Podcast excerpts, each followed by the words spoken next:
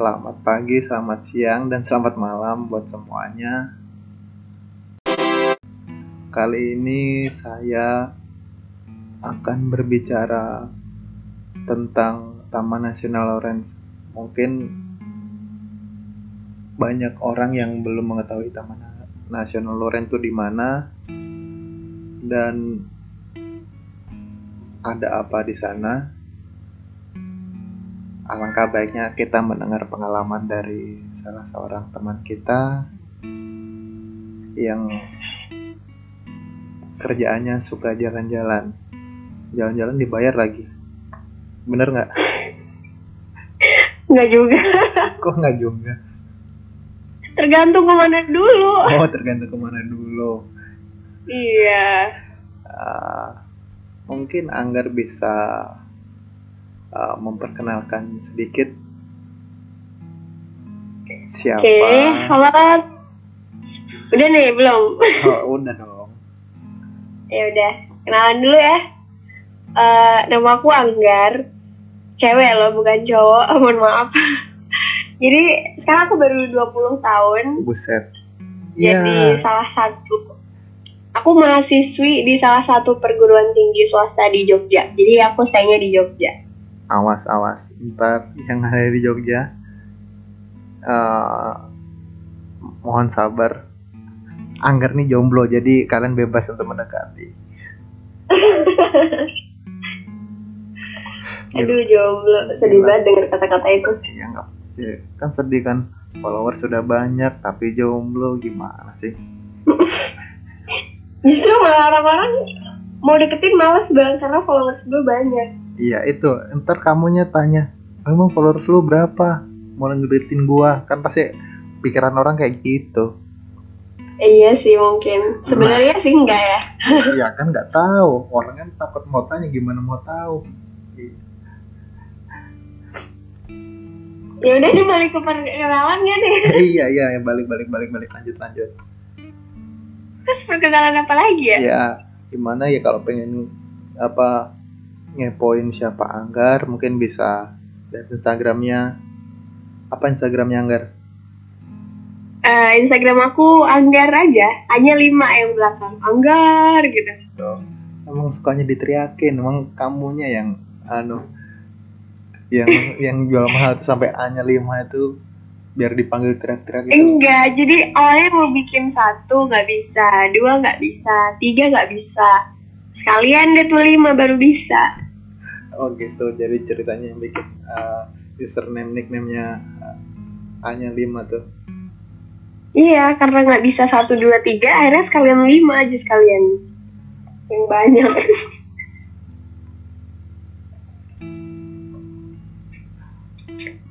oke Ingat ya, mas kuliah nih, jadi masih anak-anak. semester berapa semester berapa Aku sekarang masuk semester 6, besok baru KRS. Buset. hafal banget jadwalnya padahal ditinggal jalan mulu Justru ini lagi justru nggak tahu nih kenapa hafal. Sebenarnya karena ini sebenarnya mau jalan bang bulan ini liburan kan ke mana habis libur uas mau jalan cuman mikir lagi aduh udah semester segini nanti KRS ketinggalan lagi mam. ya Jadi nggak tahu kenapa tiap mau KRS itu pasti ada yang salah lah, ketinggalan lah, inilah itulah. Makanya udah deh jangan lebih baik aku eh, semester ini aku nggak liburan dulu. Mau benerin KRS dulu baru deh nanti masuk kuliah pergi. Eh, iya bener bener itu bener itu trik yang bener itu Kok bener? iya didukung kalau gitu penting Ya urusan udah ur- jangan lah. urusan kampusnya kelar baru jalan gitu Wih gitu ya. iya kalau Lumayan kan tuh jatah bolos jatah bolos satu mata kuliah ada tiga kali. Bayangin kalau 10 mata kuliah udah bisa libur sebulan. nah kan enak kalau kalau sudah kan Enak. kalau enggak ya udah ngambil lagi semester depan baru ngambil lagi gitu jangan dong. Aduh, udahlah. Ya. Mau makanya nih aku nggak jalan karena asli aku sebulan nih harusnya ada waktu ini ada waktu sebulan libur harusnya biasanya jalan. Sebelum sebelumnya aku jalan ke mana gitu cuman udah aku mau fokus dulu buat KRS. mantap Lumayan udah semester 6 tujuh nggak tahu deh ini makanya semester tujuh kejar KKN apa enggak Iya, semoga aja kekejar. amin Uh, Oke, sekarang kita coba tanya-tanya Anggar tentang apa sih Taman Nasional Loren itu?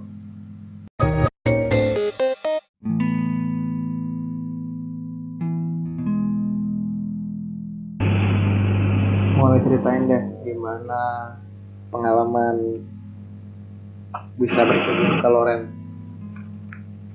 Eh, yang itu dia diceritain ya Apa ya? yang takutnya gitu yang bukan jeleknya sih Lo ya harus. kayak apa ya resikonya gitu diceritain nggak bang Ya harus dong, kan itu faktanya. Masa kamu mau tipu-tipu?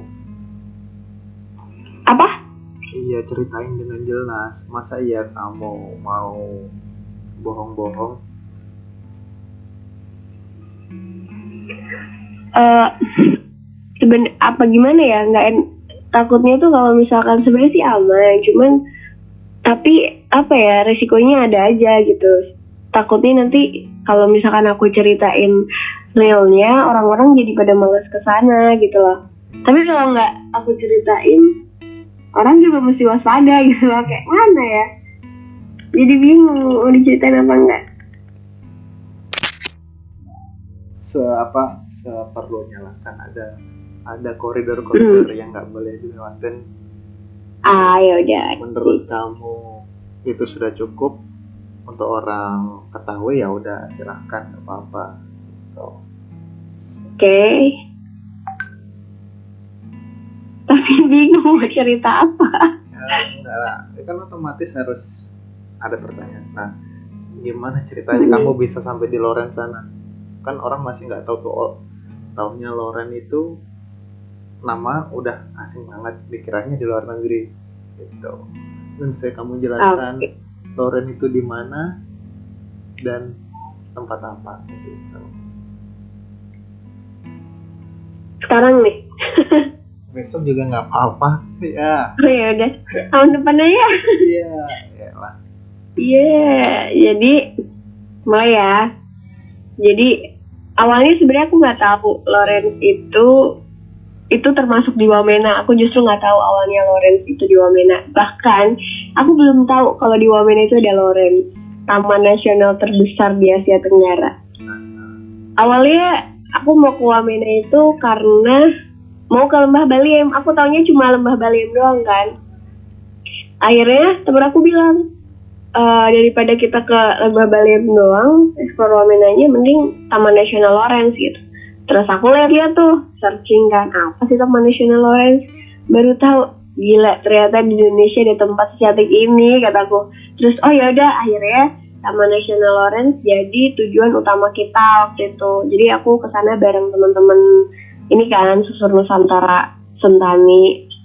Terus, akhirnya kita extend tuh. Habis extend, berangkatlah kita ke Wamena terus tujuan utama kita ke Lawrence cuman karena kita sampai di sana itu sekitar tanggal 29-an jadi otomatis tanggal 1 mulai jalan tapi tanggal 1 itu bahaya karena eh, Papua itu lagi ngadain The Freedom of Papua jadi kayak apa tuh namanya eh, hari kemerdekaannya orang-orang Papua gitu kan. Nah, jadi eh, jadi bahaya tuh ke Lawrence. Mending kalau ke Lawrence hari ketiga aja deh sekitar tanggal 3 kalau nggak salah waktu itu.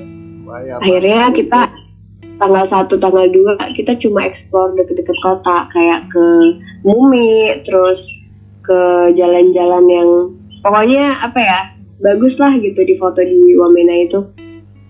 Akhirnya hari ketiga kita di Wamena kita mutusin buat ke Lawrence awalnya sih kita nggak tahu ya maksudnya ternyata Lawrence itu bisa sehari gitu. Akhirnya kita tanya-tanya tuh gimana ya ke Lawrence terus Bang Yanta ada Bang anak pelosok dia emang asli Wamena. Kebetulan kita di Wamena juga nginepnya di tempat dia terus dia jadi guide kita selama di Wamena dan Lawrence terus kata dia sewa mobil aja gitu. Kalau mau ke Lawrence emang di sini diwajibin sewa mobil dan mobilnya tuh 4WD itu udah sama bensin kan. Nah, itu dua juta lima ratus bisa buat 4 sampai lima orang. Per hari itu? Iya sehari sekali jalan. PP sih PP Iya. dari Lawrence ke tempat Wamena ke Wamenanya lagi. Berapa? Tapi nggak cuma nggak cuma berlima sih. Kalau berenam bertujuh juga bisa. Cuman ya duduknya di belakang anu, ber- jadi berapa jauh? kenapa? Jarak tempuhnya berapa jauh dari Wamena ke Loren? Sekitar dua jam deh kayaknya. Satu jam setengah sampai dua jam lah. Malah satu jam deh kayak satu jam sampai satu jam setengah. Deket kok. Tapi dan sepanjang perjalanannya sih eh, karena naik gunung ya di Lawrence itu kan udah masuk pegunungan tinggi. Ah, daratan tinggi maksudnya. Itu naik apa jalan yang ditempuh tuh ya belok-belok terus naik turun itu sih. Apalagi Wamena kan diapit di apa diapit pegunungan. Jadi kalau mau ke Lawrence kita mesti ngelewatin pegunungan juga. Tapi harga sebanding kan dengan perjalanannya. Bahkan menurut aku itu gak, gak cuma sebanding lagi. Itu bener-bener kayak aduh apa ya cuma bayar dua juta lima ratus patungan lo bisa dapat bener-bener pemandangan yang nggak nggak nggak- lo lihat sebelumnya gitu. Berarti di luar ekspektasi nih? Di luar ekspektasi banget. Bahkan ketika kayak kita lihat di foto ih Florence biasa aja ya. Eh Wamena biasa aja ya. Cuman apa ya? Mereka tuh nggak bagus ketika di foto. Tapi keren banget ketika dilihat kayak speechless aja gitu ini beneran gue di Indonesia. Kayak gitu loh. Jadi kayak apa ya? Nggak bahkan nggak percaya kalau misalkan Lawrence tuh ternyata secantik itu. Tapi kira-kira eh, rekomendasi kak buat orang-orang untuk mengunjungi Loren? Kenapa? Eh, kamu rekomendasikan nggak? Wajib nggak untuk datang ke Lawrence menurut aku menurut aku sih wajib banget ya. Karena berarti gini sebelum kalian ke luar negeri paling nggak kalian harus tahu kayak apa ya haruslah paling nggak ke tempat yang benar-benar Indonesia banget. Dan menurut aku walaupun Lawrence gak terkenal tapi kita nggak bisa dapat pokoknya kayak yang kita dapat di Indonesia belahan Indonesia mana pun gitu. Ibaratnya gini kalau misalnya kita ke Taman Nasional Komodo nih kan ada Pulau Padar gitu ya. Kita Iya. bisa kok lihat lihat kayak pantai misal di mana tuh di Sulawesi ada tuh yang mirip-mirip kayak gitu. Cuman kalau misalkan di Lawrence itu nggak ada di mana pun. Berarti menurut kamu Indonesia banget tuh kayak gimana? Aku jadi bingung Indonesia banget soalnya. Indonesia banget tuh. Eh, jadi apa ya?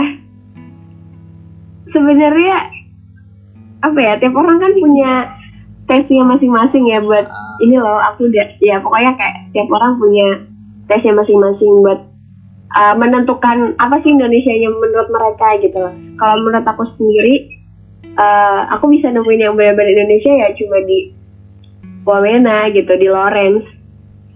Karena apa ya kayak beneran loh bang. Jadi di Lawrence tuh kita nggak bisa nemuin yang kayak di Lawrence di mana pun gitu di belahan Indonesia mana pun. Apa ya jelasinnya juga bingung gimana ya. Iya. Wah keren banget deh. Ya oke dah berarti eh, itu direkomendasikan ya. Kalau dari segi ya aku rekomendasikan banget. Dari segi jadi menurut aku harga tiket harga tiket pesawat ke sana dan harga transportasi dan lain-lain itu aduh masih kalah jauh sama apa yang lo dapat ketika lo datang ke Lawrence emangnya eh, untuk untuk sampai ke sana membutuhkan biaya berapa? Eh, kalau mungkin kalau dihitung-hitung sih sekitar berapa ya? Tiket ya. anggaplah PP tiket pesawat sampai ke Sorong itu PP udah 5 juta anggap aja cluster dari Jakarta Sorong Wamenanya Iya. mungkin murah 300 sampai 400 kan. PP 800 apanya tiket dari anu dari Sorong ke Wamena pesawat. Mana ada satu juta lima ratus bang. Waduh maaf ya itu itu tahun 2016 aku dari 2016 eh, kita ngambilnya dari Jayapura sih bukan dari Sorong. Kalau Sorong kejauhan ya. Ya enggak itu tahu pokoknya aku ngeliat itu aku masih apa pakai eh bukan sushi sih pakai wings itu itu masih 400 500 dari Kemarin sih kalau aku kan dari Jayapura ya, jadi dari Jayapura ke Wamena itu itu paling murah sejuta lima ratus. Itu sekali jalan terus PP ya 3 juta. apalagi pas tiket sekarang udah naik ya nggak ada bagasi ya Nah makanya itu udah nggak ada bagasi. emang kampret ya Sama aja ya harga tiket suruh diturunin tapi nggak ada bagasi lagi. ya nggak masih kalau diturunin sampai 50% ya nggak masalah Ini diturunin 200-300 doang. Nggak ada bedanya. nah gitu tapi super Makanya mungkin mungkin itu apa ya salah satu apa ya salah satu masalah salah satu problem yang bikin orang-orang malas ke Indonesia Timur adalah tiket pesawat karena bayangin dong bang dari Banyuwangi ke Kuala Lumpur aja 600 pp gila kali. Serius? Serius. Lah kita mau ke tanah sendiri. Ibaratnya kita mau jelajah negara sendiri. Malah kayak diporotin gila sih? Itu bener-bener mahal banget. Tiket pesawat dari sini aja ke mana tuh? Eh kok ya Sentani Jayapura? Itu gak tahu deh 4 jutaan deh kalau nggak salah sekali jalan. Buset. 3 juta 4 juta lah itu bisa buat ekspor Thailand 2 minggu. Iya. Duit segitu aduh gila mahal banget. Makanya itu sih yang jadi salah satu problem. Aku juga sadar kenapa orang-orang banyak yang keluar negeri lebih milih keluar negeri daripada ekspor negara sendiri. Ya karena semakin ke timur tiket semakin mahal. Itu bikin orang malas kayak ah ngapain sih gue ke Indonesia Timur? Toh duit segitu gue bisa ekspor luar apa jelajah ke luar negeri gitu ya secara ya orang berpikir eh, sederhananya seperti itu. Terus Iya, ini nih. cuman ya kalau aku sendiri ketika aku bisa menjelajah bukan menjelajah sih lebih tepatnya aku ke tempat yang aku pengenin bisa gitu. Tapi itu masih di Indonesia. Dan orang-orang masih mikir seribu kali buat ke situ. Aku justru bangga jadi kayak itu lebih bangga aku kalau misalnya eh, main ke tempat yang di Indonesia sendiri nih aku lebih bangga. Kayak apa ya aku bangga aja gitu sama diri sendiri kalau misalkan main ke luar negeri lebih buat gengsi gak sih? Aku nggak tahu sih. Aku mikirnya kayak gitu kayak ngapain sih berarti ke luar negeri orang di Indonesia aja masih banyak tempat bagus. Ibaratnya gitu ya. iya Cuman mungkin kalau ketika kita ke luar negeri, weh ke luar negeri tuh mungkin itu lebih buat menyenangkan orang lain gitu daripada diri sendiri. betul Tapi nggak tahu juga sih itu mindset aku. enggak betul itu memang itu memang benar sekarang ya siapa yang nggak mau butuh pengakuan. Siapa yang nggak mau? Ya, oh dilihat. Jangan kan orang-orang besar anak kecil aja juga mengandalkan segala cara untuk mendapat perhatian bahwa diakui bahwa mereka ada. Entah itu nangis atau nakal ya dan dan sebagaimana hal yang lainnya lah. Nah kalau menurut kamu hal yang nggak bisa apa yang nggak terlupakan di Loren tuh apa? Dari awal, dari awal menginjakan kaki di Taman Nasional Lores itu semuanya nggak bakal terlupakan bang. Jadi apa ya? Tahu ini nggak? eh, kalau apa sih aku juga belum pernah yang mau ke Bromo tuh lewat Oro-Orobo ya kita lihat padang savana gitu Ah, Nah, itu tuh bener-bener di Lawrence tuh sekali kita turun nih, kita turun mau masuk ke kawanan ta- apa eh, Taman Nasional Lawrence itu, kita disuguhi pemandangan kayak gitu. Luas banget, rumput-rumput ya kan. Kayak sebelumnya belum pernah lihat rumputnya tuh kayak ada airnya gitu loh. Terus jalan-jalan tuh kayak sejauh mata memandang tuh isinya cuma padang rumput, batu, gunung batu gitu. Terus jalan jalan yang jalannya tuh kelihatan di tengah di tengah apa ya di tengah padang savana gitu sih. Mungkin bukan padang savana ya lebih tepatnya padang apa ya? Ya gitu lah bang. Nggak susah dijelasin. No, entah berantah lah ya. iya nah kayak ada jalan tuh di entah berantah gitu kan. Makin ke atas makin nanjak. Habis itu hilang jalannya ada lagi kelihatan hilang lagi di telan pegunungan. Gitu aja terus. Asli keren banget. Bayangin dong bang 25.000 ribu hektar. Buset. Tapi kalau menurut tapi eh, di sana gimana kondisi taman nasionalnya? Terpelihara kah atau terbengkalai? justru kalau buat taman nasional sendiri kan maksudnya eh, apa ya benar-benar di sana tuh masih benar-benar alami banget ya jadi Iya. kalau misalnya kita mau ke taman nasional Lawrence nih kita wajib lapor di pos TNI jadi ada tuh nanti kalau kita mau masuk ke kawasan mau memasuki kawasan taman nasional Lawrence kita eh, mampir dulu ke pos TNI kita bilang mau ke sana. Udah masuknya gratis lagi. Iya. jadi itu bener-bener oh gila sih tempat sekeren ini gitu. Terawat banget. Bahkan menurut tapi ada beberapa titik yang mungkin itu buat kayak buat makan siang gitu kan buat istirahat di sana. Itu sampahnya banyak banget. Oh, berat. Kayak sayang gitu loh tempat secantik ini masih ada yang tega ninggalin sampah di sana tep- eh, sampah-sampahan oh ya berarti sampah pengunjung ya bukan sampah alam ya Iya, sampah pengunjung banyak plastik gitu loh. Soalnya kan kita sempet kemarin kita bersih-bersih ya di sana. Pokoknya nggak bersih-bersih semuanya sih. Jalan yang kita lewatin ada sampah, pasti di situ kita ambil. Kita pokoknya sekitar berapa ya? 7 trash bag kalau nggak salah. buset Banyak banget asli. Kita bawa ke rumah Bang Yenta tuh. tuh Eh, terus menurut kamu nih eh, selain Taman Loren gimana setelah kamu datang ke Papua ngeliat sendiri Papua itu kayak gimana eh apa testimoninya lah setelah datang ke Papua. Kamu kan pertama cuma ngeliat Papua oh begini begini begini begini. Setelah datang sendiri gimana tanggapanmu? Eh, kalau aku sendiri sih, kita kan pasti mikirnya kalau orang timur keras gitu kan. Hmm, terus galak. Pasti kita takut gitu. Cuman ketika aku udah sampai sana ternyata mereka tuh baik banget. Bahkan apa yang kita pikirin sebelumnya tuh terbantahkan semua gitu loh. Nggak ada namanya orang Papua tuh jahat. Mereka galak. Enggak mereka ternyata baik banget murah senyum. Ya gimana kita sih gimana sikap kita aja. Kalau misalnya kita datang ke sana secara baik-baik pasti diterima baik-baik juga.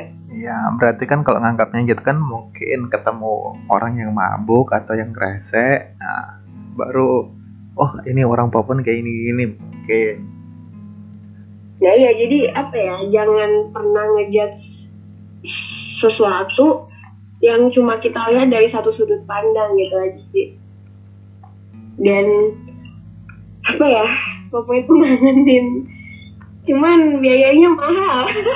kan bisa naik kapal iya sih, cuman kalau kita naik kapal di sana susah soalnya nggak ada transport bang. kan Kayak bisa misal kita ke Wamena, di Wamena pun nggak ada, nggak ada apa tuh namanya, ojek kan bener-bener transportasi ojek. lokal tuh nggak ada. kamu udah udah pernah nanyain ojek harga ojek berapa Kenapa? kamu udah pernah nanyain harga ojek Ojek. Aku nggak nemu ojek sih, justru malah adanya becak. becak becak Sama ini. Oh ada, tapi itu lebih buat mungkin lebih buat pekerja kali ya. Ada namanya tuh. Jadi kayak taksi gitu, tapi pakai mobil 4WD. Jadi orang-orang pada lihatnya di belakang. Cuman kalau itu aku nggak tahu ke mana mananya. Ah,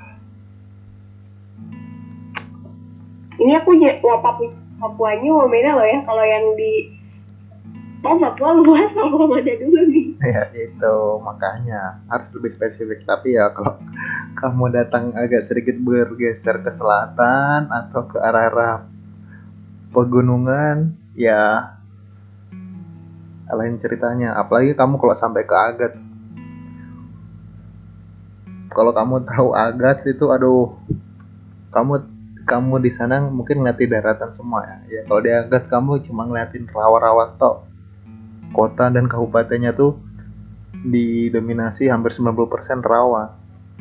Jadi transportasi. Serius. Iya, di sana tuh nggak ada mobil, adanya tuh ketinting atau kapal kecil tuh. Jadi alat transportasinya Oh. gitu semua. Di mana tadi bang?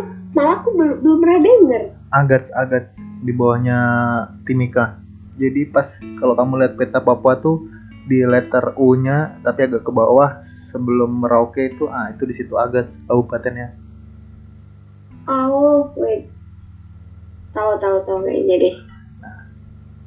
ya kemarin ada pengalaman beberapa beberapa waktu di sana ya cukup amazing sih ya kayak ngerasa Hmm. kayak ngerasa di Kalimantan tapi ya kebetulan aja ketemu orang yang rese-rese sedikit kurang menyenangkan tapi kalau yang lainnya sih ya tetap menyenangkan karena kebetulan ketemu remaja-remajanya yang rese kayak gitu Hmm, hmm, hmm. suaranya Ini agak ternyata bawahnya ini ya, bawahnya Lawrence juga. iya tapi jauh Iya. Kalau yang deket Lawrence ya Sorong sama Timika itu satu garis. Oh, Timika satu garis. Iya sih. Ah. kalau dari Timika mungkin lebih dekat. Mm, mm, mm. Ah, Tapi kalau di peta nih, di map bawahnya Lawrence justru bang. i- Jadi Timika sama si Agat nih dipisahin sama si Lawrence. eh, ya Timika, Timika kan lebih agak naik ke atas. Kalau di Agat tuh ya, Ya, kamu kalau ngeliat peta itu sedikit bawah, eh, di bawah. bawahnya Di, iya benar-benar. nah, gitu. Mungkin kalau tembak lurus ke utara terus ya bisa ketemu. Karena Lawrence kan luas. Luas banget.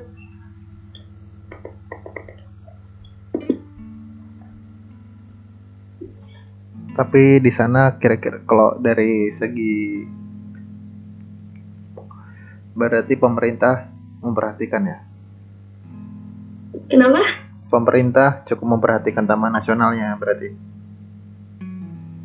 Iya sih, orang justru menurut aku memperhatikan banget karena ketika kita ke sana itu kan biasanya ada pemungutan liar gitu bang, ada Ah. pungli kan.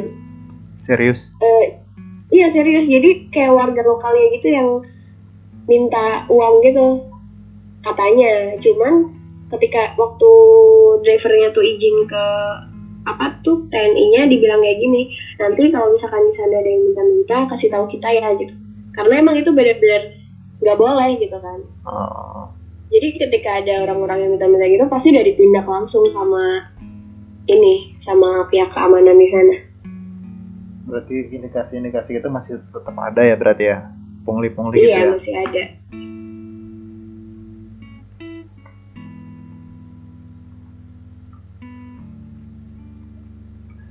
Tapi kalau aku baca, baru dengar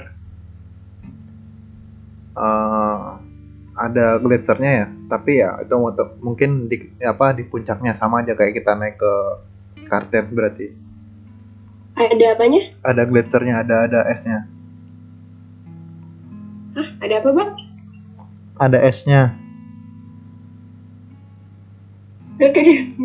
Ini ada gletser gletser. Apa tuh? Gletser ada ada es. Oh itu, itu cuman iya sih kalau itu kayak mungkin agak jalan gitu. Jadi ada di Taman Nasional Lawrence juga, gimana ya kemarin Bang Yanta cerita, katanya kalau misalkan kita lima hari, lima hari, iya bener, lima hari jalan lah. Kalau nggak salah sih lima hari deh, sekitar lima hari jalan kita di sana bisa lihat danau yang gletser-gletser Edmund cair itu kayaknya. Serius. Itu sempat diceritain Kamu dapat cerita apa aja? Hmm, apa itu aja sih paling sama ya apa ya nggak ada itu doang Pantas. banyak sih mungkin cuman aku lupa karena aku lupa Ya. mungkin nanti kalau dibahas sedikit aku baru ingat gitu Pantas Yanta betah di sana ya. Kenapa Pantas Yanta betah di sana. iya Enggak, karena Bang Yanta itu mau ngembangin ini dulu sih. Dia lagi fokus mau ngembangin wisata di Wamena.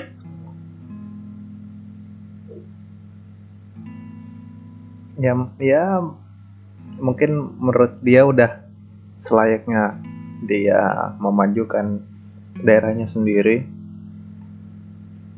ketimbang dia ada di luar daerah terus kan siapa lagi Iya yang sih. siapa lagi yang mau merhatiin daerahnya sendiri justru kita bilang tuh kita berempat bilang bang Yanta bang Yanta beruntung banget sih tinggal di Wamena gitu Anjir beruntung Kayak- beruntung gimana? Asli kita bilang kalau Bang Yanta beruntung banget tinggal di Wamena. Bener-bener sampai, aduh kita beli rumah aja apa ya di sini. Sampai mau serius lah, sampai mau tinggal di Wamena rasanya tuh aduh berat banget mau tinggal di Wamena. Pinggir jalan aja nih Bang Joy. Hmm. Kita kayak ini serius secantik ini gitu. Mungkin di foto biasa aja, cuman kalau kita lihat, oh gila cantik banget Wamena tuh Ah, berarti kan sepanjang jalan bisa kita ke tempat nih mau ke mana gitu itu sepanjang sepanjang jalan kita ada sampai bingung mau ngomong apa lagi gila cantik banget tapi ujungnya gitu doang kayak ih gila apa sih ini kok Wawina cantik banget gitu berarti ada alasan lah ya buat balik lagi. ada alasan sih yang jelas aku belum apa ya belum sempat ke lembah Balemnya kita cuma ke gerbangnya doang Ya paling tunggu pas ada festival Lembah Baliem itu. Ya itu nah, ya kumpul-kumpul lah. Ini kan mumpung masih awal tahun nih. Jadi nanti sekitar Agustus kan kamu ada uang kan bisa ke sana lagi. iya pasti sih Agustus ya Agustus kalau nggak September itu kalau nggak salah festival Lembah Baliem itu lupa gua. iya Agustus deh kayaknya Ya siapa tahu kan ada rezeki-rezeki lagi kan. Tapi ya Amin. kamu tahu sendiri yang kemarin-kemarin itu kan kayaknya udah nggak mau pakai kita kita lagi Kayaknya sih. ah ya itu dah. Aku bingung mau ngomongnya. Soalnya apa membahasnya nih sedikit sensitif kalau yang dibahas.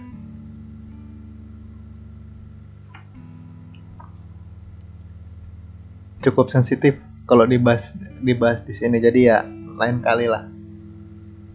Ih, bahasnya secara menyeluruh ya.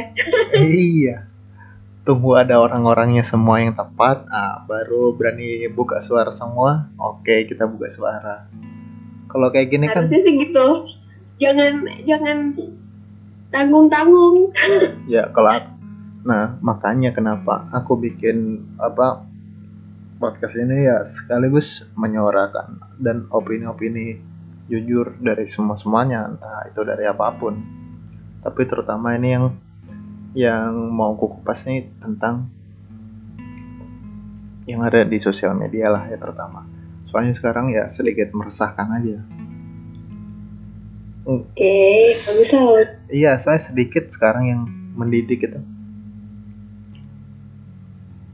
Ya kalau menurutku sih, ya memang tergantung kita memfilter milih-milihnya aja. Tapi ya kan kasihan kalau orang yang yang nggak bisa memfilter terus dicekokin yang kayak gitu-gitu terus, mau jadi apa nanti? Apa penerus-penerus ah, generasi mudanya kayak gitu. Betul sekali. Ya. Setuju. apalagi yang mau diceritakan tentang Wamena dan Lawrence Eh, apa ya? Oh iya, di sana tuh banyak nyamuk. ya kalau kalau itu mah ya harus itu harus harus diwaspadai soalnya di sana endemik Iya. malaria Soalnya kan di sana tuh malaria apa ya udah jadi kayak pokoknya musuh terbesar musuh terbesar sih jadi kalau kita tidur tuh lucu banget pakai kelambu gitu loh bang ya emang kayak gitu dan kalau kalau kalau aku dulu ya pokoknya inti pesannya dari pace-pace itu kamu pokoknya jangan sampai telat makan. Kalau waktunya makan makan. Makan yang banyak banyak sekali. Kalau kamu telat makan kamu berpot apa berpotensi terkena malaria. Kadang sempat bingung juga masa iya harus telat makan? Ya mungkin karena kita kondisi kita kurang makan lelah terus kena gigit nyamuk ngedrop langsung jadi malaria. Bisa jadi kayak gitu. Jadi pokoknya oh. kalau pas kan lumayan lama aku dulu kan hampir satu bulan itu tapi ya nggak di satu tempat. Muter-muter terus. Jadi pesannya tuh hampir kurang lebih sama. Oh jadi aku pikir eh, salah satu obat obatnya itu sebelum datang ya minum obat uh, anti malaria. Dan susu sudah dari Papua minum obat anti malaria. Efisiennya kayak gitu untuk menangkal gitu ya? Iya dapat sarannya sih kayak gitu. Tapi ya alhamdulillah hmm, tidak terjadi apa-apa. Ya jangan sampai lah. Nah, iya sih untungnya juga kemarin teman-teman nggak ada apa-apa. Eh, selain nyamuk apalagi masa lagi nyamuk? Makan mahal. Berapa ceritain? Pengen tahu sekarang harganya berapa. Ya waktu itu kita makan nih ayam pecel lele kan kalau di Jogja ayam lima belas ribu udah dapat banyak gitu kan. Uh, ayam es segala macem. Kita di sana makan ayam empat puluh lima ribu bang. Di mana? Di Jayapura? I, di enggak di Wamena. Oh, kalau di Jayapura? Kalau aku kemarin di Jayapura hampir kalau uh, di Jayapura sekitar tiga puluh lima. iya. Aku kan mikir kan wah di sana tambah lebih murah ikan ketimbang ayam kan kampret. Lebih murah apa lebih murah ikan ketimbang ayam. Serius? Ya kayak Iyalah. kejadianku kalau yang di Jayapura kemarin tuh aku beli lalapan kan aku pikir wah ayam nih murah nih. Karena kan mahal kan? Wah agak susah. Makanlah ayam. Temanku makan ikan. Temanku makan ikan saya bayar. Habis makan temanku bayar cuma 25 aku bayar 40 ribu. Kan kampret. Iya makanya di sana tuh aduh daging jadi ayam sih lebih banyak lagi jadi makanan yang mahal. Kalau di sini kan mahalan ikan kan daripada ayam. Iya mungkin kayak karena jarak jauhnya jarak jarak jarak ke tempat pelelangan ikannya jauh terus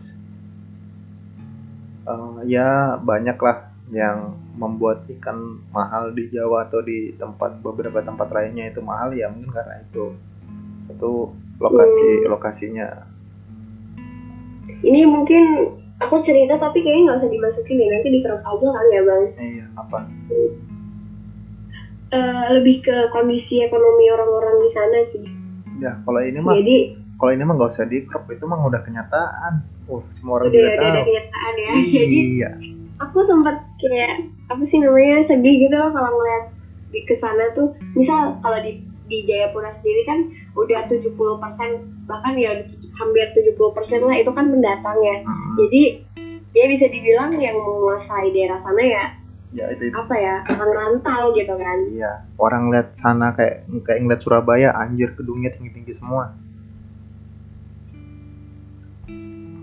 kenapa iya kalau ngeliat Jayapura tuh anjir kira kan masih kebun atau gimana dulu kan ya ternyata uh -uh. udah udah gedung udah ada apa kok ada eh kok Haris apa namanya hotel-hotel ada Enggak, hotel hotel apa tuh yang terkenal tuh? Apa? Aston, Aston, Aston. Aston. Uh, ngeliat anjir ada Aston. Sampai di sini juga ternyata. Yang rasa kayak kayak di Surabaya gitu ngeliatnya. Iya sih, bahkan di kalau misalnya kita di Sentari aja udah, aduh KFC ada bang. Kayak gitu. Enak banget kan. Nah kalau di Wamena sendiri nih masih di pembangunannya paling cuma rumah-rumah doang kan. Cuman kalau kayak lihat di pinggir jalan tuh aku sedih gitu ngeliatin kenapa orang-orang asli sana tuh malah yang susah gitu loh. Mereka mesti ke hutan ibaratnya mereka mesti masuk hutan terus ngambil hasil bumi baru ke kota jualan gitu. Yang jualan tuh malah orang-orang situ menurut aku. Tapi kayak mereka susah susah dulu gitu loh. Maksudnya mereka mesti jauh-jauh gitu dari hutan buat ke pasar buat ke kota jualan. Tapi kenapa orang-orang yang apa tuh rantau tuh justru kayak apa ya mereka tuh terjajah di negara di tanah mereka sendiri. Itu yang paling bikin aku sedih sih. Ya itu bukan rahasia umum lah. Hampir di beberapa tempat kondisinya kayak gitu juga. Iya kan jadi sebenarnya sedih banget. Mereka tuh kaya loh ibaratnya apa aja di menurutku di sana tuh ada minyak banyak terus hutannya juga luas. Iya. tapi justru kayak bukan mereka menikmati itu begitu iya karena kalau menurutku sih mereka di sana bukan dipintarkan tapi ya ada uh, beberapa oknum-oknum yang memanfaatkan. Oh yang maksudnya yang lebih pintar lebih mengetahui ya. Seharusnya kan lebih mengedukasi gimana jalan sama-sama Nah. kan ini enggak mereka Iya.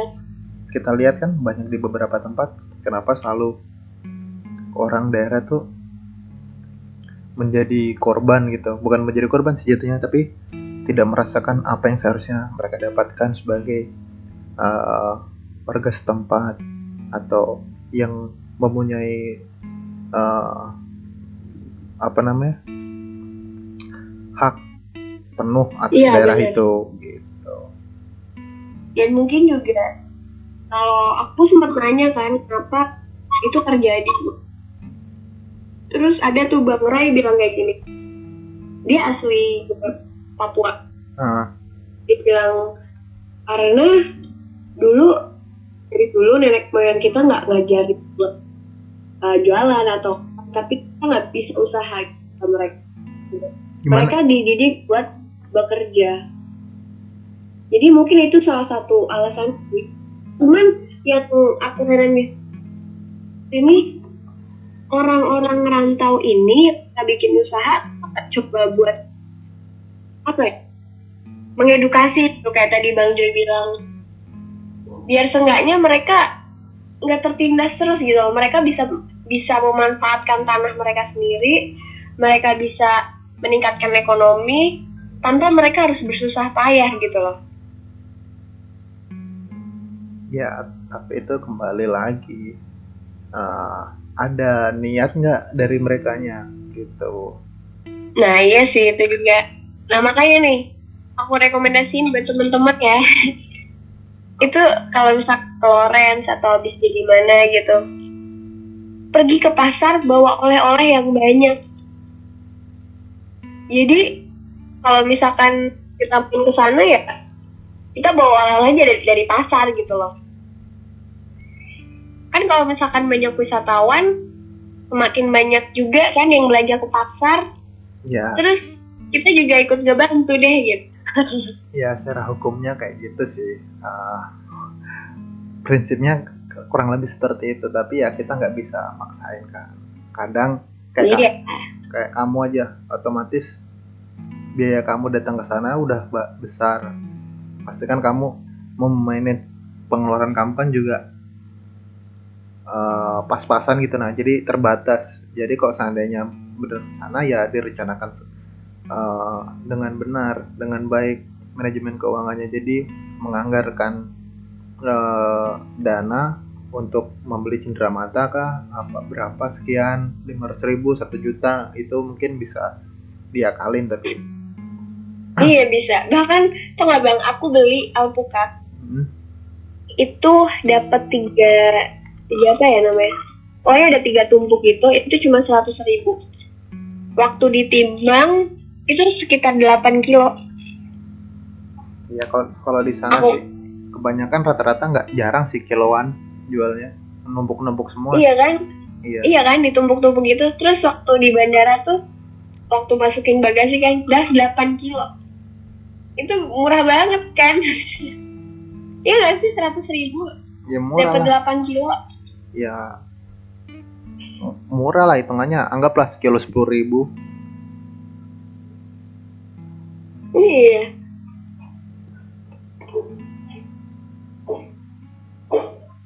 Eh, apa eh, eh, pesannya buat teman-teman hal wajib untuk datang ke Taman Nasional Loren? Ya menurut aku wajib sih enggak cuman paling enggak gini loh ya wajib. Indonesia punya taman nasional terbesar di Asia.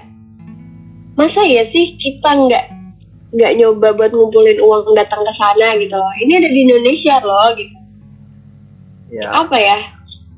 Mas pokoknya harus dia ngumpulin uang buat datang ke sana.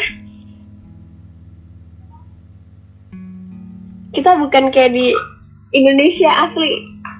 Itu cuma satu kata-kata yang bisa kita keluarin waktu di sana. Ya udah cuma kayak kita serius ada di Indonesia. Gitu.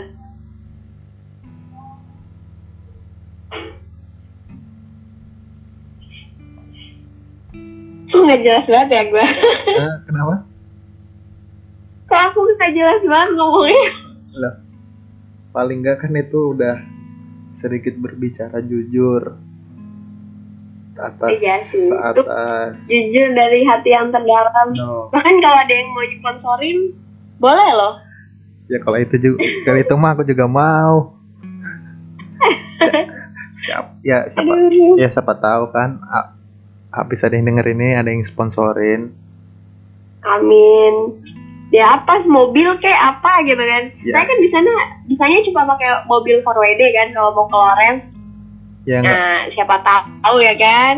ya jangan ya nggak usah Mobil mau para apa? nggak usah mobil mentahnya aja juga nggak apa-apa Iya, enggak bang. Kita dikasih mentahnya nih, tapi kita suruh bikin project sama mobil itu ya. ya nggak apa-apa kalau kayak gitu Nah, iya gitu lah, harus gitu. Kapan lagi ya kan promo mobil di Taman Nasional Loren nih, aduh. Gila itu keren banget. ya siapa tahu kamu pengen disponsori merek apa ya ngomong aja. Siapa tahu kedenger kesamaan kan marketingnya. Oh iya nih. Aduh, nih anggar berat eh. loh nggak apa-apa. Kan lebih baik jujur ketimbang diam-diam apa munafik kan. Oh ya pengen kayak gini. Gitu Nanti aja deh. nanti aja gimana sih Iya lah, malu. Besok lah kamu ke sana lagi. Nih, Bang Jay ada rencana kapan nih ke sana? Ada nggak sih rencana gitu? ada itu ada dari dari dulu juga ada tahu sendiri kitanya gembel mau ke mana-mana susah ngakalinnya tapi pengen lah nanti kalau ada rezeki. Kan ada beberapa teman-teman juga di sana. Terus ada dapat kenalan lagi. Teman yang sering main ke Bali ini ada di Manokwari. Jadi kita tambah tambah lagi linknya. Di sana juga ada Yanta juga otomatis yang siap menampung. Jadi buat apa enggak gitu? Udah ada jaringan ada yang siap menampung. Kenapa enggak kita berusaha yang penting sampai aja dulu di sana ntar gimana gimananya di sana pikir belakangan dah tuh Iya, iya, iya, bener, bener, bener. Kalau kalau Bang Joy kan ada tuh ya kan dari zaman dulu. Ini aku tuh herannya aku malah nggak tahu gitu. Kalau di sana tuh ada Taman Nasional Lawrence terbesar di Asia, ya kan di pelajaran Asia ada Tenggara. kan di pelajaran di PS dulu Kenapa? kan di PS dulu ada Nah, masalahnya nggak tahu. nah aku kayaknya nggak memperhatikan deh. kok apalagi kalau kamu kayak main apa main apa itu main ludo eh kok main Apa? ludo apa main hago kan ada beberapa pertanyaannya tuh di sana Wah, aku nggak main hago bang. itu aja aku dikasih tau sama temen lu eh dia tanya taman nasional Enggak nih, Bang Joy, Bang Joy nyari jodoh ya di hago. Enggak ya enggak enggak main lah sembarangan Siapa tahu kan ya anak-anak tuh main main-main gitu. lebih baik non- nonton kartun Oh gitu, yakin. yakin lah lumayan Bang Joy dapat kenalan tuh ntar di hago. ya terus tiba-tiba kenalan istrinya orang tuh digebukin ntar Iya, istri orang.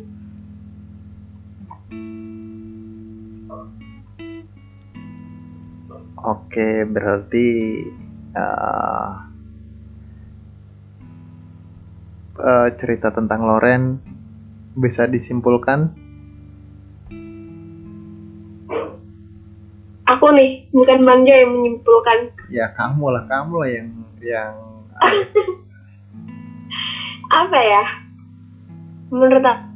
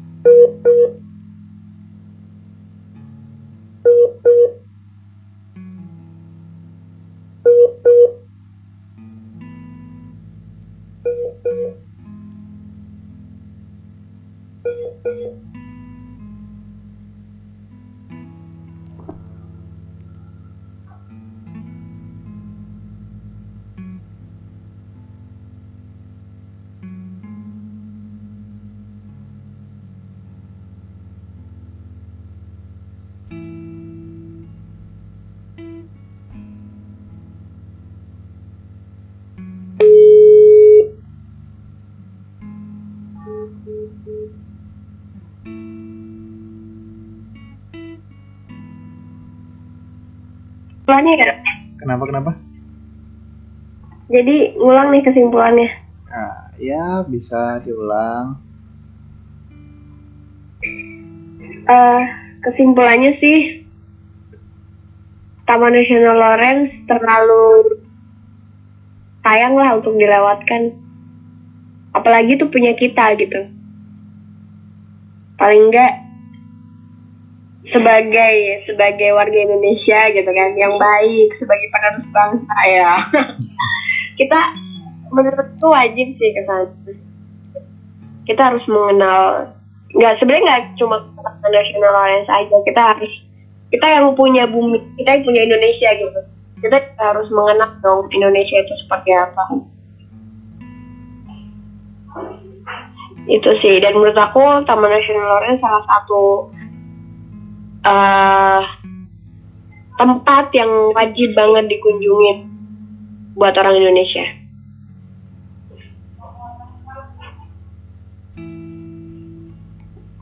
Oke.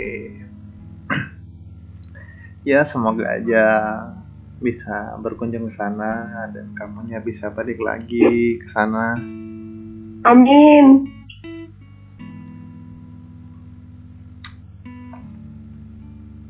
Berarti kita sudahi tema kali ini Taman Nasional Lawrence yang Indonesia banget menurut Anggar.